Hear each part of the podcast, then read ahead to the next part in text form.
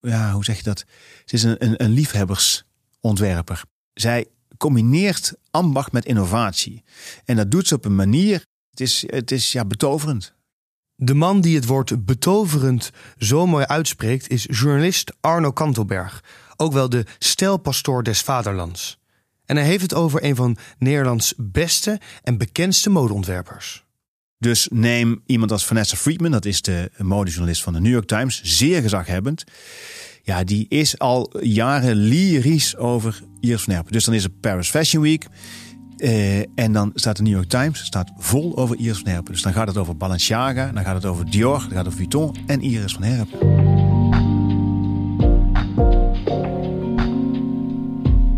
Dit is Het Geheim van, een podcast van Nationale Nederlanden, partner van Kunsthal Rotterdam. Mijn naam is Splinter en in deze podcast ga ik op zoek naar het geheim van het wereldwijde succes van Nederlandse kunstenaars.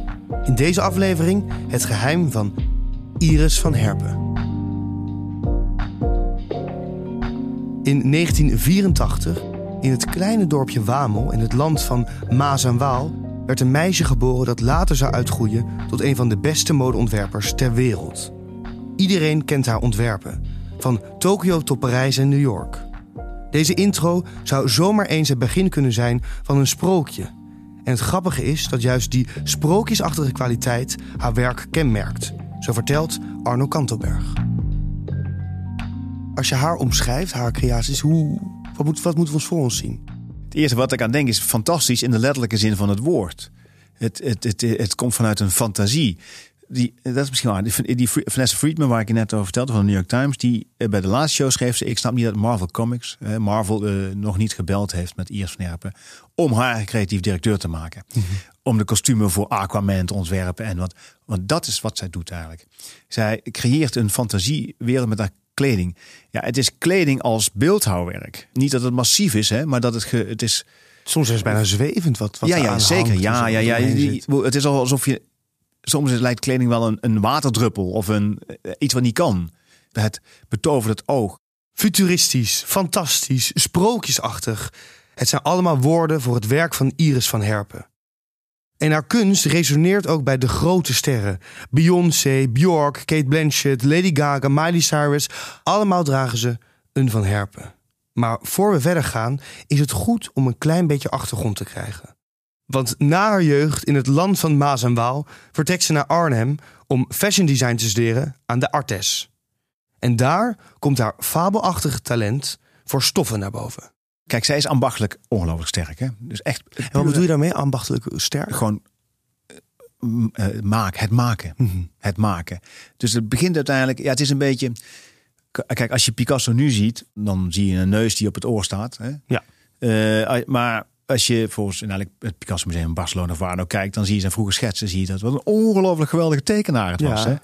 Het was echt Nog religieuze schilderijen en zo gemaakt. En dus de, de standaard... Gewoon- figuurlijk, gewoon ja, echt ja. waanzinnig goed. Je moet dat beheersen voordat je een neus op het oor kunt zetten. zeg. Het pure ambacht, het kunnen maken. Echt het, eh, ja, dat, dat, dat, dat kan zij heel erg goed. Dus dat is een soort van basis, eh, denk ik altijd. Zo goed, Alexander McQueen, de, de grote eh, Britse modeontwerper, die zei je moet, hij die scheurt allerlei jurken uit elkaar, even plat gezegd, ja. maar die zei je moet eerst helemaal weten hoe het in elkaar zit, want dan Ja. pas kan je het Ja. uit elkaar halen. Ja. Heeft stage gelopen, Iris van Herpen bij Oh, Alexander kijk. McQueen. Ja. Maar daarna is ze stage gelopen bij Claudie Jongstra. Die maakt die textiel, eh, die wandkleden en dergelijke. Dus daar zie je al de, de zoektocht of de wens om, te, om je te ontwikkelen op een ander terrein, om dat erbij te halen. Zit dus niet bij een modeontwerper stage gaan lopen, na Alexander McQueen, maar bij een textielkunstenares. Dus het text, je moet de stoffen ook kennen. De stoffen, je moet weten wat stoffen kunnen. Hè, en, waar, en, en überhaupt hoe ze gemaakt worden, de weeftechnieken. Als je dat weet, dan weet je wat je daarmee kunt. En dan kun je gaan kijken wat de mogelijkheden zijn. Want dat is natuurlijk, zij weet van stoffen. Je zit naar een, een jurk te kijken. Wat ik net zei, die lijkt van waterdruppels gemaakt. Maar je kunt geen jurk maken van waterdruppels. ik heb het nooit geprobeerd, maar ik denk dat dat niet kan. Wordt ingewikkeld. Ja, wordt ingewikkeld. Dus, maar dan moet je, die, je moet die, je stoffen kennen.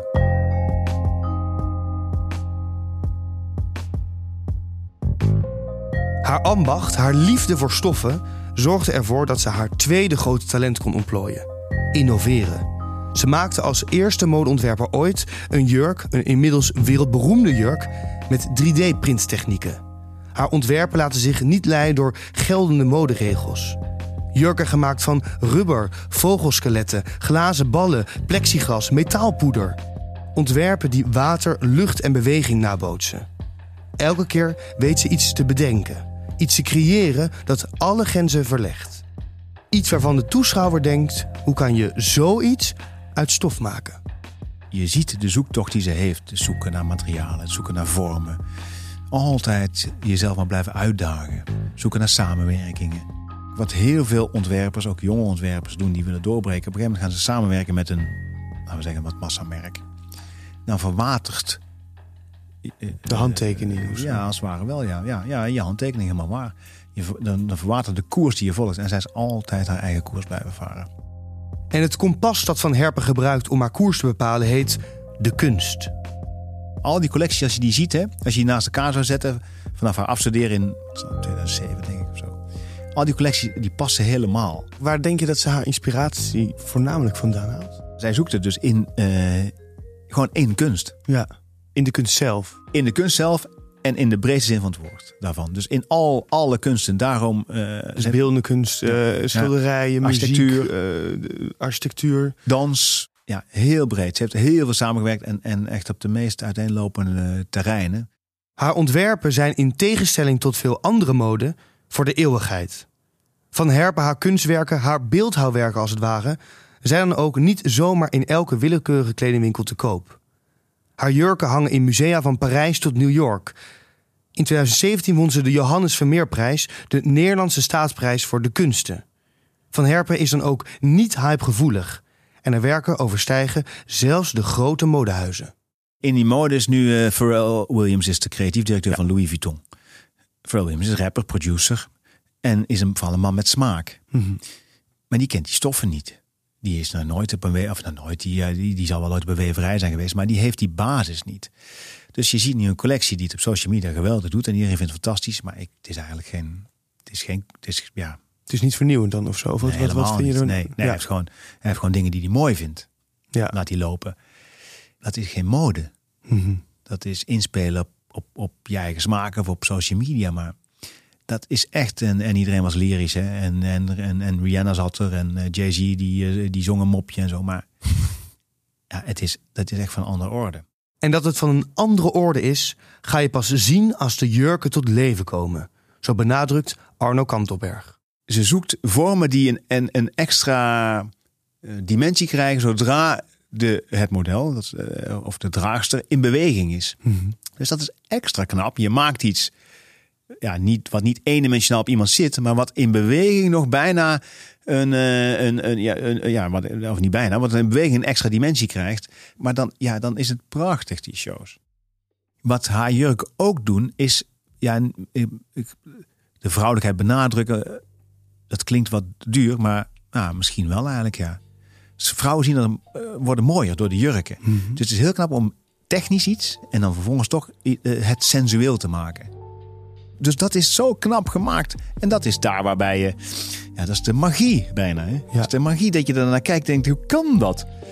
Maar goed, dat is meteen die kracht, die combinatie van innovatie, technische innovatie en bijvoorbeeld oude materialen of oude ambachten. Ja. Dus dat je met technisch iets magisch weet te maken.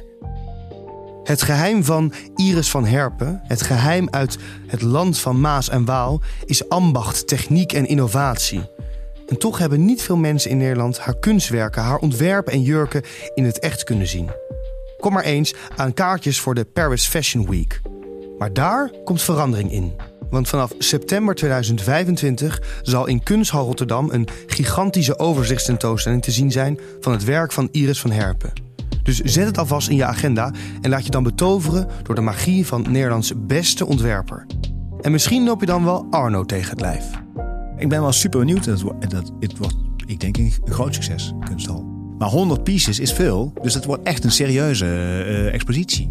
Je stapt in de wereld van Iris van Herpen en je bent inderdaad even in die andere wereld. In die parallele wereld. Mooi hoor. Dit was Het Geheim van, een podcast van Nationale Nederlanden, supporter van alle kunstontdekkers. Mijn naam is Splinter En in andere afleveringen ontdek je ook de geheim van bijvoorbeeld Rembrandt en Erwin Olaf. En heb je van deze podcast genoten? Laat dan een review achter.